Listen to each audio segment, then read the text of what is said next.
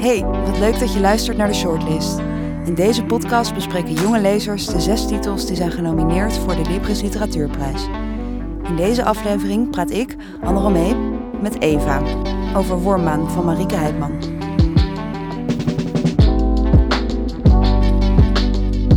Nou, daar zitten we weer. Daar zijn we weer. En we mogen vandaag eh, weer een boek bespreken. Ja. Weer een heel mooi boek bespreken. Een prachtig boek. Ehm, het boek Wormmaan van Marike Heidman. Wij vonden het allebei super mooi. Ja, het heeft ons heel erg geraakt. In ieder geval, het heeft mij heel erg geraakt. Mij ook, absoluut. Ja, en het heeft me echt eh, aan het denken gezet vooral. Misschien wil je even uitleggen wat eh, de twee verhaallijnen zijn in het boek. Nou, wat je al zegt, het, het boek heeft eigenlijk twee verhaallijnen. Enerzijds volgen we Elke, die zich eigenlijk niet helemaal eh, voelt passen bij de, de heersende gendernormen. En op een gegeven moment, zij, zij werkt als ehm, ja, plantenveredelaar. Ja, veredelaar. Eh, waarmee ze dus eigenlijk eh, plantensoorten steeds beter maakt naar de vraag van de consument. Dus eh, nou, in haar geval een pompoen. Nou, daar gaat iets niet helemaal goed mee. En op een gegeven moment besluit ze, ik neem ontslag. En dan gaat ze een erwtensoort, die ooit ja, door de mens ook geteeld is tot wat het nu is, eh, weer te gaan verwilderen. En weer terug te brengen eigenlijk naar de essentie. ja, want ze heeft een pompoen inderdaad heel erg, eh, nou eindeloos, zeven jaar volgens mij gewerkt aan die pompoen. Om hem zo lekker, zo zoet mogelijk, Ja. dat hij snel rijpt, dat, die, dat, die, dat we hem makkelijk kunnen verbouwen. En dan blijkt er een ander bedrijf ook zo'n pompoen te hebben gemaakt. En dan denkt ze, ja, waar ben ik nou eigenlijk mee bezig? Precies. En dan komt er een collega met, ze- met die ert aanzet en die pakte haar heel erg, want die vertelt over die ert. Dit is een ert die is al heel lang eh, hetzelfde en die is niet veredeld, volgens mij. Nee, nou Ja. wel een beetje toch, want eh, ze moeten hem wel weer gaan verwilderen. Oh ja, dat is waar. Dus hij, maar hij, het is al een hele oude ert die heel weinig relatief is veranderd. Dus Ja. zij denkt dan van oké, eh, ik kan in een paar stappen kan ik die wel weer terugkrijgen eigenlijk naar, naar, ja, naar hoe het ooit was, hoe het begon. Ja, en waar begon het eigenlijk met die ert? Ja, dat is eigenlijk de tweede verhaallijn. Het eerste volg je vanuit het perspectief van Elke. En dit is eigenlijk vanuit het perspectief van onze voorouders. Dus ook eh, jouw en mijn voorouders, Hmm. iedereen's voorouders. En dan volgen we het personage Ra, die eigenlijk 9000 jaar geleden over de steppen trekt. En dan terechtkomt bij een, een beschaving ja, die daar bezig zijn het begin van de landbouw te stichten. Ja, de eerste boeren zijn De het eerste volgens boeren mij. zijn ja, het, ja. ja. het is een, eh, ja, een samenleving die een dorpje heeft om een soort steppen heen en die graan verbouwen. Ehm, ja, En daar komt Ra, die was eigenlijk aan, het- aan het trekken over die steppen. Eh, die wordt dan aangevallen door een stier. En, en weet die stier uiteindelijk toch met een, een klein erwtenplantje dat ze onder haar mantel draagt. eh, weet ze die, die stier te, te bezweren als het ware. En dan komt ze bij die beschaving, bij, bij die, dat, dat dorp terecht. Ehm, ja, en daar begint het verhaal daar eigenlijk. begint het Ja. verhaal. En Ja. wat is daar nou zo knap aan? Wat is, wat is, Nou, Want het klinkt best wel als hele uiteenlopende verhalen. klopt. Dus we hebben iemand die leeft nu in de 20ste eeuw. En we hebben iemand de 21ste eeuw. en we hebben iemand die leeft 9000 jaar geleden. Hoe, Ja. hoe, hoe, hoe passen die verhalen bij elkaar? Wat vond je? Nou, dat, wat het mooie is, is dat ondanks dat daar dus 9000 jaar tussen zit, of zelfs nog meer, zijn er superveel parallellen tussen die verhalen. Nou, jullie hoorden net al even de ert. Maar nou, het zijn allebei eigenlijk genderfluïde hoofdpersonages. Zowel Elke als Ra eh, worden soms aangezien als vrouw, soms als man. En ja, hebben daar ook wel struggles eigenlijk mee. Ja, inderdaad. Elke die staat bij de bakker en wordt aangesproken als eh, jonge man. En Ra, daar weet, dat, daar komt, die komt bij die, bij die nieuwe mensen aan. En die denken ook wel... Die denken meteen dat het een man is. Ja, Dus dat, dat is iets waar heel veel eh, mee wordt gespeeld. En dat, dat trekt het verhaal eigenlijk heel erg naar elkaar toe. En daar zitten nog veel meer parallellen in. In allebei is er heel veel aandacht voor de natuur, voor de eh, landbouw, eilanden, steen.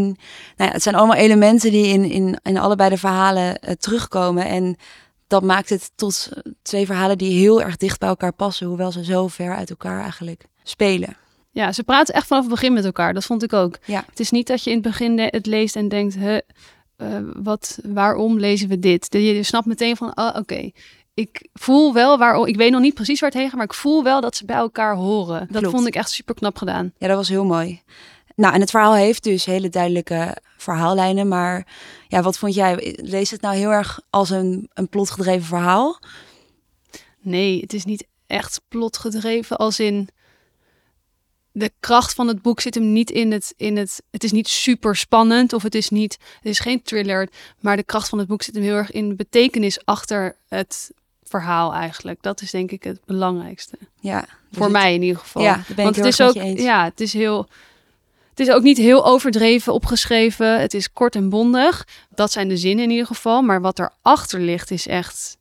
Nou, daar zit zoveel emotie achter en zo echt filosofisch eigenlijk. Ja. hele korte zinnen kan zij echt prachtige dingen zeggen. Ja. Het, is, het zit barstensvol met allemaal eh, ideeën en denkbeelden. En dat maakt het ook weer, trekt het wat abstracter. Ja, ze En- heeft echt, echt haar visie aan het Ja. Ja. ontplooien of aan ons aan het uitleggen. Ja, het voelt ook namelijk niet per se als iets wat al een gedachte die heel erg uitgewerkt is. Als in, je wordt ook meegenomen eigenlijk op, voor mijn gevoel, op het gedachte-experiment van de auteur. En daardoor kan je er ook heel goed in mee, omdat het zich heel langzaam, maar heel duidelijk wel ontvouwt. Ja, dus het boek is echt een pleidooi voor de open blik, vond Ja. ik. En dan niet op een vervelende manier. Nee, het, is absoluut niet, het is niet belerend of zo. Het is gewoon. Heidman stelt gewoon zoveel vragen. En dat, dat maakt dat je er ook dat je er zelf mee aan de slag kan. En dat het niet. Het is niet dat Heidman ons vertelt van zo moeten we over iets denken. Nee, het is vragen stellen over hoe wij naar dingen kijken. En niet.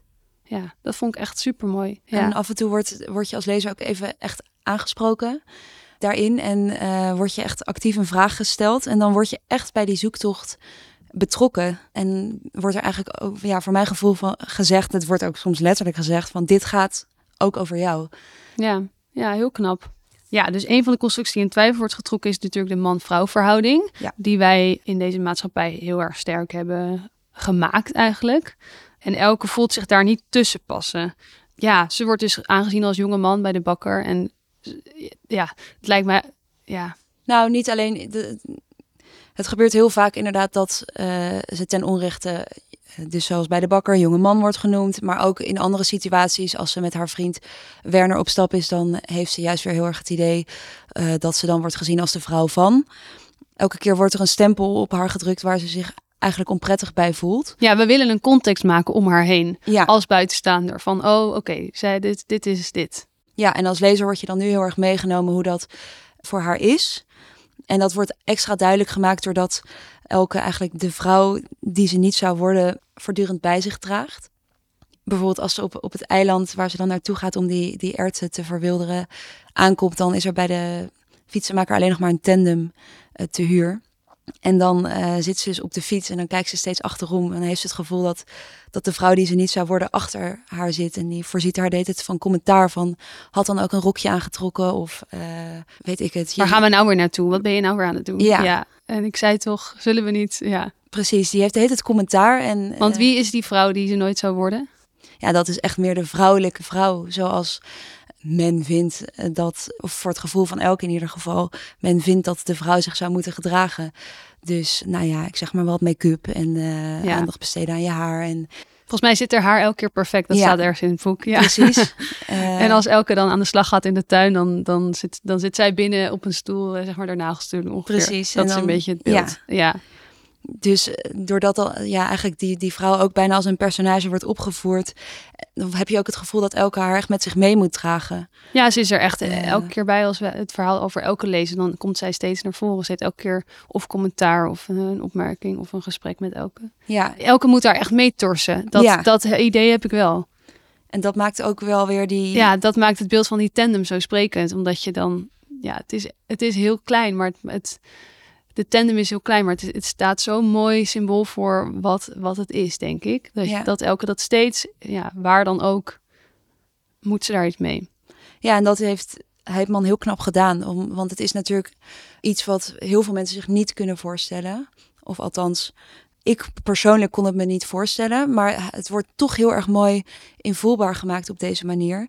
Ze voert ook nog een ander personage op die daar eigenlijk een beetje mee helpt. En die misschien eigenlijk wel mijn blik dan vertegenwoordigt. Namelijk een goede vriend eh, Werner. Oh ja, Werner. Ja, de, Een witte, hetero, hoogopgeleide man. En die kan haar problemen, maar die, die wuift het eigenlijk elke keer een beetje weg. Eh, hij ziet het in ieder geval niet. hij snapt niet. niet, wat, eh, wat ze nou, waar doe je nou zo moeilijk over? En doordat ze die blik ook heel duidelijk maakt, maakt het het ja, eigenlijk vond ik, ik weet niet hoe jij dat hebt ervaren, maar makkelijker om je daarin, om het invoelbaar te maken. Ja, het is echt je privileges in een, eh, in een personage. Ja, Ehm, vaak als ik mensen vraag of ze wel eens een roman lezen en eh, dan zeggen heel veel mensen ik heb al zo weinig tijd, dus als ik dan iets lees, dan wil ik er graag iets van leren. Dus daarom lees ik alleen maar non-fictie. Ja, dat is echt het, denk ik, een van de meest gegeven antwoorden. Aan mensen die dus niet zo vaak fictie lezen. Ja. Ehm, nou, Wat bij deze ja. is dat dan nu ontkracht. Want aan dit boek heb ik heb vet veel geleerd uit dit boek. Ja. Eh, ik heb heel veel geleerd over evolutie. Je zou het niet denken, maar als ik, toen ik dit boek oppakte, had ik dat niet, eh, had nee, ik dat niet ook verwacht. absoluut niet. En ehm, evolutie heb ik heel veel geleerd. Over de landbouw heb ik heel veel geleerd. Inderdaad, dus waar we het net over hadden, over dat je met een open blik naar dingen kan en moet kijken. Maar los daarvan is het ook echt een soort lesboek. Ja, maar niet, dat op, niet, niet- op een vervelende manier. Nee, oh, dat zeg ik eigenlijk niet goed. ja, hè? lesboek, maar nee, je leert tussen als je- neus en lippen door Ja. leer je eigenlijk heel veel over, nou ja, geschiedenis. Eh, Evolutie, ja, bijvoorbeeld, eh, wat een goed voorbeeld daarvan is, denk ik, is dat in het boek wordt verteld dat op een gegeven moment eh, zijn olifanten zijn gaan zwemmen en die kwamen op eilanden terecht. En omdat ze daar eigenlijk niet zo'n natuurlijke ehm, eh, tegenstander hadden, konden ze veel kleiner worden. Dus, want ja, waar ze op zo- land inderdaad konden worden gejaagd door, door andere Ja, er werd, roofdieren. niet, er werd niet op ze gejaagd, dus dan kwamen daar dwergolifantjes. En andersom werden bijvoorbeeld ratten, omdat ze niet meer snel eh hoefden te kunnen wegschieten, werden juist heel erg groot. Nou, breng mij niet naar dit eiland met reuzenratten, maar wel echt super boeiend, toch? Dat, Super dat boeiend. ik echt niet. Nee, nee. Dus dat, dat was echt super interessant om te lezen. En dat inderdaad, wat we zeiden, het is echt tussen neus en lippen door. Dus je leest een verhaal over en elke... Af en toe wordt er eventjes teruggegrepen aan zo'n theorie of een uitleg. En dan gaat het verhaal ook gewoon weer verder. En dat sluit heel mooi aan bij, bij het boek. Ja, en ik zou zelfs misschien wel zo ver willen gaan dat juist omdat het op zo'n manier aan je wordt verteld, je het beter gaat onthouden dan wanneer je het in een studieboek of een non-fictieboek had gelezen. Ja, we kennen natuurlijk allemaal het, allemaal het concept van fotosynthese, maar Allemaal met biologie gehad. allemaal met biologie geleerd. Maar hebben we er ooit op deze manier over nagedacht? En dat denk ik niet. Nee. Ik in ieder geval voor niet. mij kwam nee, toch? Het komt echt dat je denkt, nou, toen ik dit las, dacht ik, wauw, wat cool eigenlijk. We denken niet dagelijks aan fotosynthese. Had het een geluid, dan zou alles anders zijn. Bij de eerste grijze lichtstralen zou een zacht gemurmel ontstaan. De bomen die uittorenden boven iedereen zetten hun bladgroen korrels in werking. De groene pomp begint. Koolstofdioxide komt het blad binnen en zuurstof treedt eruit. Al die bladeren ademen. Nou, Zacht- Ik zie het nu al helemaal voor me. Zachte klikjes klinken van het breken en herschikken van moleculen. Zoevend worden suikers naar groeipunten verscheept. Terwijl het licht aan kracht wint, de zon steeds hoger stijgt, zal het gemurmel en geklik plaatsmaken voor een bescheiden, meerstemmig gesuis, want ook struiken en kleine bomen vangen aan. Ook hun bladgroenkorrels vangen licht en assimileren moleculen. Breken, husselen, bouwen, verschepen. De aarde raakt op drift. Het ademen klinkt steeds luider. En dan, terwijl de zon op weg is naar zijn zenit, zullen het gras, de kruiden en de landbouwgewassen beginnen te zingen, hoog en harmonieus. Ze zullen de insecten overstemmen, de vrachtwagens, fabrieken en vliegtuigen. Ze vormen een aaneengesloten tapijt van geluid. Hun synthese is scherp en snel. Ze hebben niet meer dan een seizoen de tijd om te komen tot een finale, tot zaad. Een koor van alchemistisch groen dat uit het schijnbare niets uit gas en licht stof maakt. Tot de zon voorbij zijn hoogtepunt langzaam zakt en eerst de lage kruiden, dan de struiken en uiteindelijk de bomen hun adem inhouden en hun zingen staken. Met de nacht verstilt de aarde, tijdelijk. Ja, Echt heel mooi. En ik heb fotosynthese eh, nooit heel goed begrepen. Nou, tenminste, ik wist wel ongeveer wat het ik was. mag hopen dat je wel weet wat Jawel, het ik wist wel. ongeveer Ja. was. Ik vind het, ik vind het prachtig en zo, mo- zo mooi beeldend geschreven. En die taal en Het gebeurt natuurlijk el- elke dag om ons heen, overal. En dat vergeten wij denk ik heel vaak. ja. Nou, we zeiden het al. Er zit, zitten enorm veel. Het is echt een ideeënroman. Er zit superveel achter en in dit boek. Maar de schrijfstijl vonden wij heel erg prettig en compact. Zeker, er staat echt geen woord te veel in. Het is heel rijk en, en lyrisch, maar het is niet bombastisch of zo. Het is, het is nee, echt. het is niet overdreven. Je Nee. denkt niet van, oh, nou... eh, Ja, hallo, je hebt weer mooi. mooi, mooi ja, je hebt weer een mooie zin geschreven hoor. Ja, Ja. applaus. Helemaal niet. Nee. Nee. Gewoon, het leest gewoon lekker. Het is gewoon Het voelt gewoon goed. Ja, in ieder woord is wat mij betreft het, het juiste woord wat er gekozen had kunnen worden. En er staan ook best wel wat uh, soort one-liners uh, ja, want, in. Ja, want het is... Oké, de zinnen zijn niet super lang meestal, maar er staat wel heel veel in. Of er zit heel veel achter. En dat is echt, dat vond ik het allermooiste aan het boek. Dus als je er eentje zou moeten kiezen van, van die one-liners, wat, uh, wat je dan? Ik heb er echt heel veel onderstreept. Uh, mijn hele boek staat vol met, uh, met strepen. Maar als ik er eentje moet kiezen, ja, dan zou ik zeggen: de toekomst zweeg totdat ze aanbrak. Ja. Nou, dat is toch prachtig. Super Ik zou dat zo op een tegeltje zetten.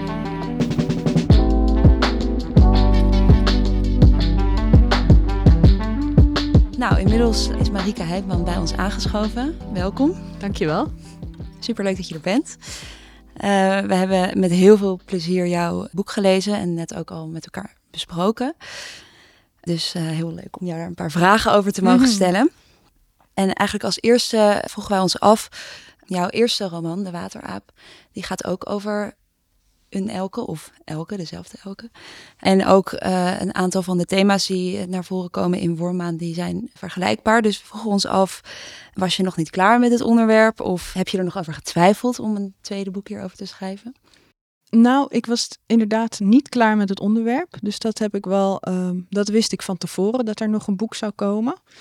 Uh, dat het elke zou worden, was niet meteen duidelijk. Als schrijvende kwam ik erachter dat uh, zij toch wel echt in mijn hoofd zat. En ik heb dat toen ook met mijn redacteur uh, besproken. Ik wilde niet een deel 2 maken. Het zijn onafhankelijk van elkaar te lezen boeken. Dus we hebben dat genoemd en ik vond het wel heel mooi dat het zich in hetzelfde universum afspeelt. Dus het is niet per se deel 2, maar ja, het is wel haar leefwereld. Ja. En um, had je dan tijdens het schrijven van De Wateraap al het gevoel van: oké, kan nu niet alles in één boek van vertellen? Want je zei, ik wist het eigenlijk al meteen. Dat had eigenlijk een beetje te maken met... Um, ja, kijk, het schrijven van een boek is een beetje alsof iets in jezelf ook helder wordt. Dus door de wateraap kwam ik weer achter andere dingen. Uh, had ook een beetje met de receptie te maken, dus hoe andere mensen erop reageerden.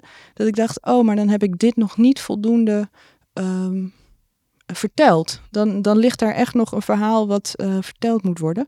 Ja, dus het had te maken met dat je tijdens het schrijfproces nog weer achter dingen komt. En uh, hoe mensen erop reageerden. Ja. ja, mooi.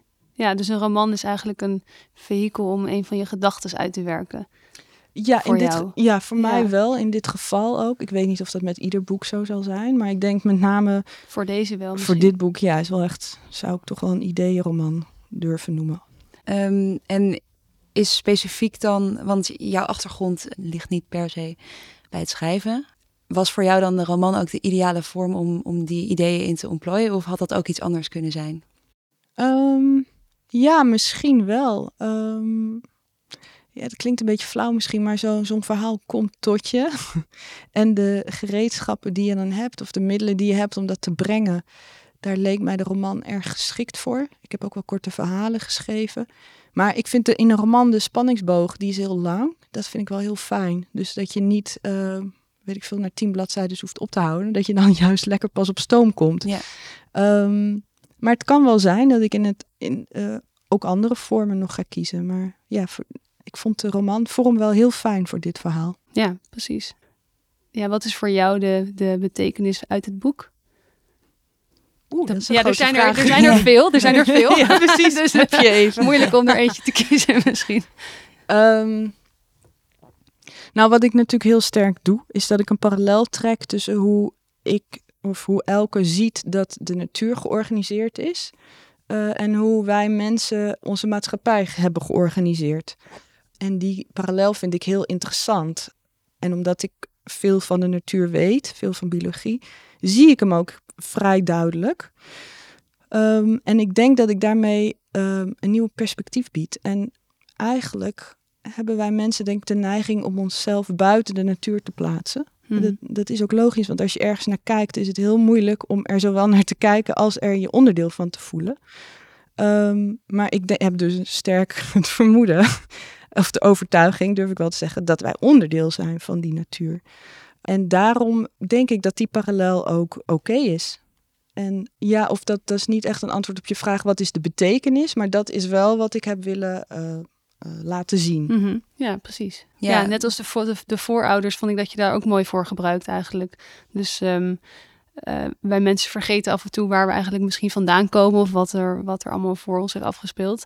En die voorouders zeggen steeds van, hé, hey, eh, let even op, dit, dit ben jij ook. Ja, precies, precies. Ja.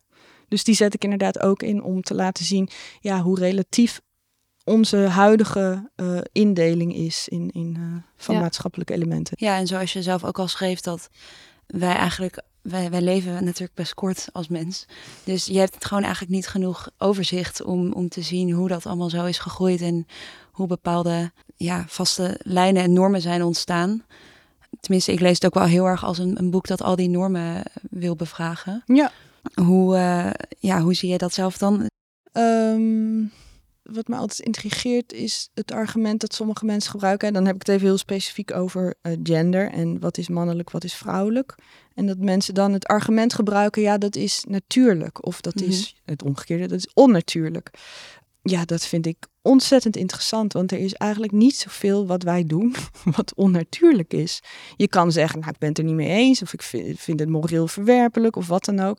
Maar ja, wij zijn onderdeel van die natuur alles wat we eromheen verzinnen, dus hoe, hoe een vrouw zich moet gedragen, hoe een man zich moet gedragen, ja, dat is toch ho ho hoofdzakelijk door ons bedacht ja. en uh, in stand gehouden. En dat wordt nu in deze tijd wel bevraagd. Uh, nou ja, en mijn boek draagt daar hopelijk een steentje aan bij. Ja, absoluut. Ja, ik vond het ook mooi hoe je dat. Uh, je gaat eigenlijk natuurlijk terug in de tijd, die 9000 jaar terug in de tijd volgens mij. Ja. en nou ja, over gender, maar ook over uh, dat we zelfs de landbouw, dat we, dat we zelfs het graan eigenlijk hebben, dat we dat hebben gemaakt. Ja. Dus zelfs dat, we, we denken dat iets zo is, zoals het nu is. Maar eigenlijk als je zo ver terug gaat, dat je denkt, eigenlijk hebben we dat ook al, misschien onbewust zelfs, hebben we dat ook gecreëerd. Ja, nou, dat is, dat zeg je heel mooi, dat is precies ook de kern inderdaad, of een kern. Um, en wat ik daar nog, nog interessanter aan vind, is dat we het zijn vergeten. Dat wil zeggen, uh, veel wetenschappers in Wageningen en boeren en zo, mensen weten dat natuurlijk best wel. Uh, maar die boeren in die duizenden jaren daarna hadden geen idee. Die dachten, uh, wie heeft ons dat graan gegeven? Ja, die ja. volgens mij schrijf je ook, uh, God heeft het maar dan maar gedaan. Precies, ja. dan verzin. En dat is natuurlijk fantastisch aan mensen. Dan verzinnen ze er wel een verhaal omheen. En dat vind ik ook heel ontroerend en dat doe ik dus zelf ook. Maar het is wel goed om je te realiseren dat, dat je het verhaal verzint. Ja. En ehm, dat het daarna ook weer goed is om het te bevragen. Nou, we vroegen ons ook af, dat gaat even wat meer misschien echt op het verhaalniveau. Maar ehm, nou ja, zowel Ra als Elke gaan aan de slag met een ert. Of gaan op pad met een ert. Eh, ja, misschien een hele gekke vraag, maar moest dat per se een ert zijn? Of had dat ook een, een ander plantje, dingetje kunnen zijn?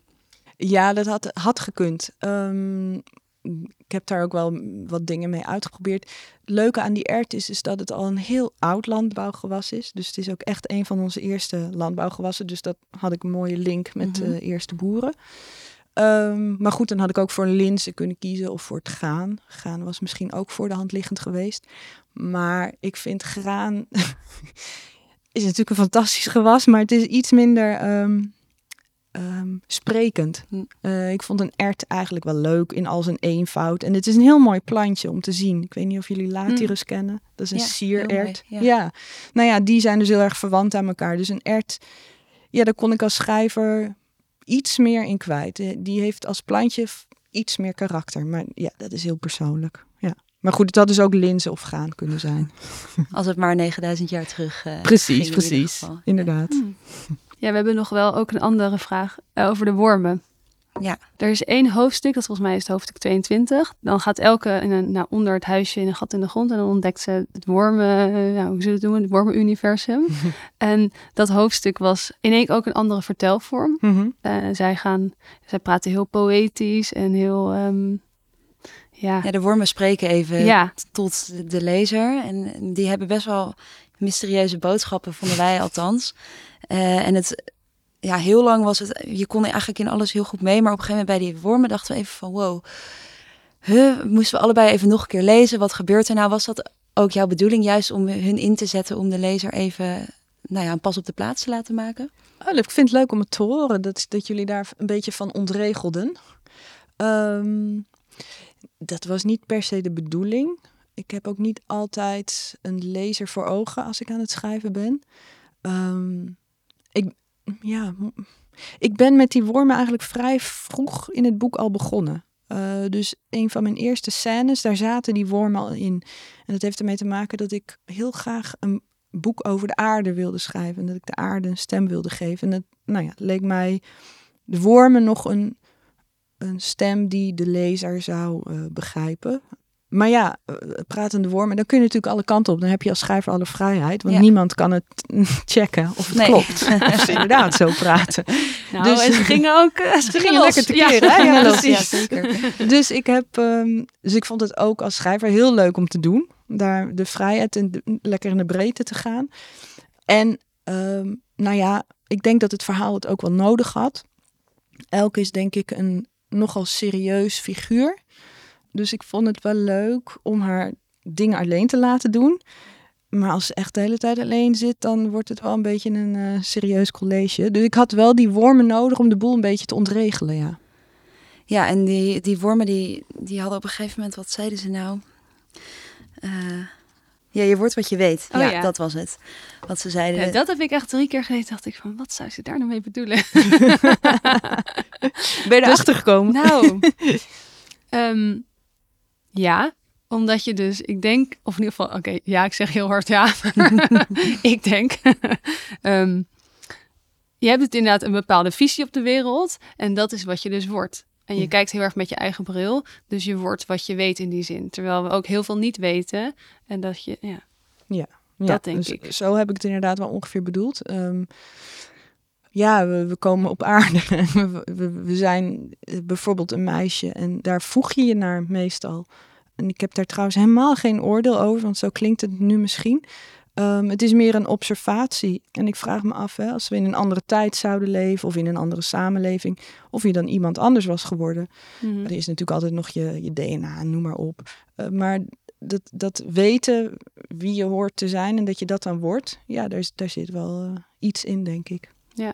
Of dat vinden dan de wormen in dit geval. Ja, precies. Ja, nee, heel mooi. Ja, nee, echt heel mooi. Maar ja, aan de, ja, of niet aan de andere kant, maar wat, wat, wat je ook ziet is dat zowel Ra als Elke, hoewel daar dus superveel tijd tussen zit en mensen dus ook met, met een andere context naar de wereld en elkaar kijken, lopen ze toch eigenlijk ook tegen dezelfde problemen aan. Ja, fascinerend vind ik dat. Ja. Ja, ja nou ja, ik, om dan een voorbeeld van mezelf te noemen maar. Ehm, hè, dat ik als vijfjarige niet in een jurkje wilde. Ja, ik vind dat eindeloos fascinerend. Waar haalt zo'n kind het vandaan?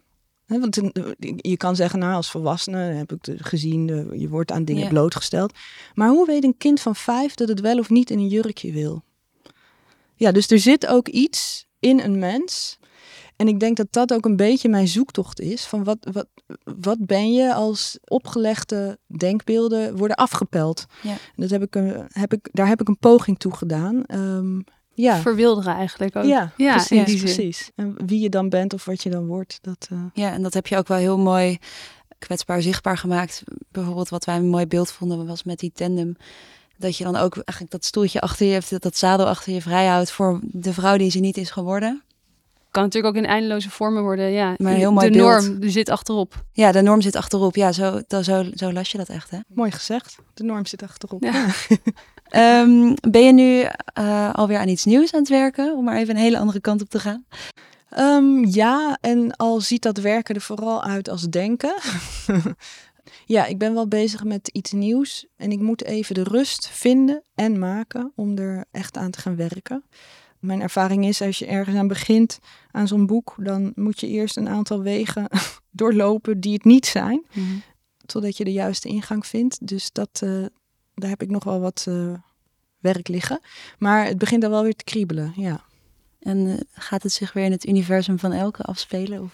Ik weet het niet. Ik moet eerlijk zeggen dat ik me de vorige keer ook een beetje tegen heb verzet. Want ik wilde hm. ja, vanuit een soort van rare ego-trip heel graag iets heel nieuws maken maar ja, wat ik al zei, ja, je, je, je maakt wat zich aandient. Het onderwerp en de vorm worden wel anders. Maar ja, misschien duikt ze wel weer op. Ja. Ik weet het nog Spannend. niet. Ja, spannend Ja. inderdaad. Goeie cliffhanger. ja. Je bent natuurlijk nu genomineerd met Wormaan voor de Libris Literatuurprijs 2022. Hoe, eh, hoe vind je dat? ja, fantastisch. Eh, echt geweldig. Ik merk nu ook dat het boek weer iets meer, eh, of eigenlijk veel meer in de aandacht is. Eh, dat meer mensen het lezen. Dat is ontzettend fijn. Ik heb natuurlijk nog niet eh, een heel oeuvre al achter me. Dus ik, ik, eh, in die zin moet ik het wel hebben van dit soort dingen. Om lezers te, eh, te krijgen. Ja, en de, ja, het is een vorm van erkenning. Ja, dat is fantastisch. Ja. Nou, wij hebben ontzettend genoten van jouw boek. Eh, we vonden het echt prachtig. Ehm, Ja, we raden iedereen aan om te gaan lezen. ja. Eh, en we wensen je natuurlijk heel veel succes op eh, 9 mei, de uitreiking van de Libris Literatuurprijs. Nou ja, we duimen voor je. Dankjewel. Dankjewel. Dank Ja, voor het mooie erg bedankt. gesprek. Volgende week horen jullie wat Anna en Lotte vonden van Willem die Madok maakte, van Nico Dros. Wil je geen aflevering missen? Volg ons dan in je favoriete podcast-app. Verder kun je ons vinden op Facebook en Instagram als Libris Nieuws. Tot volgende week.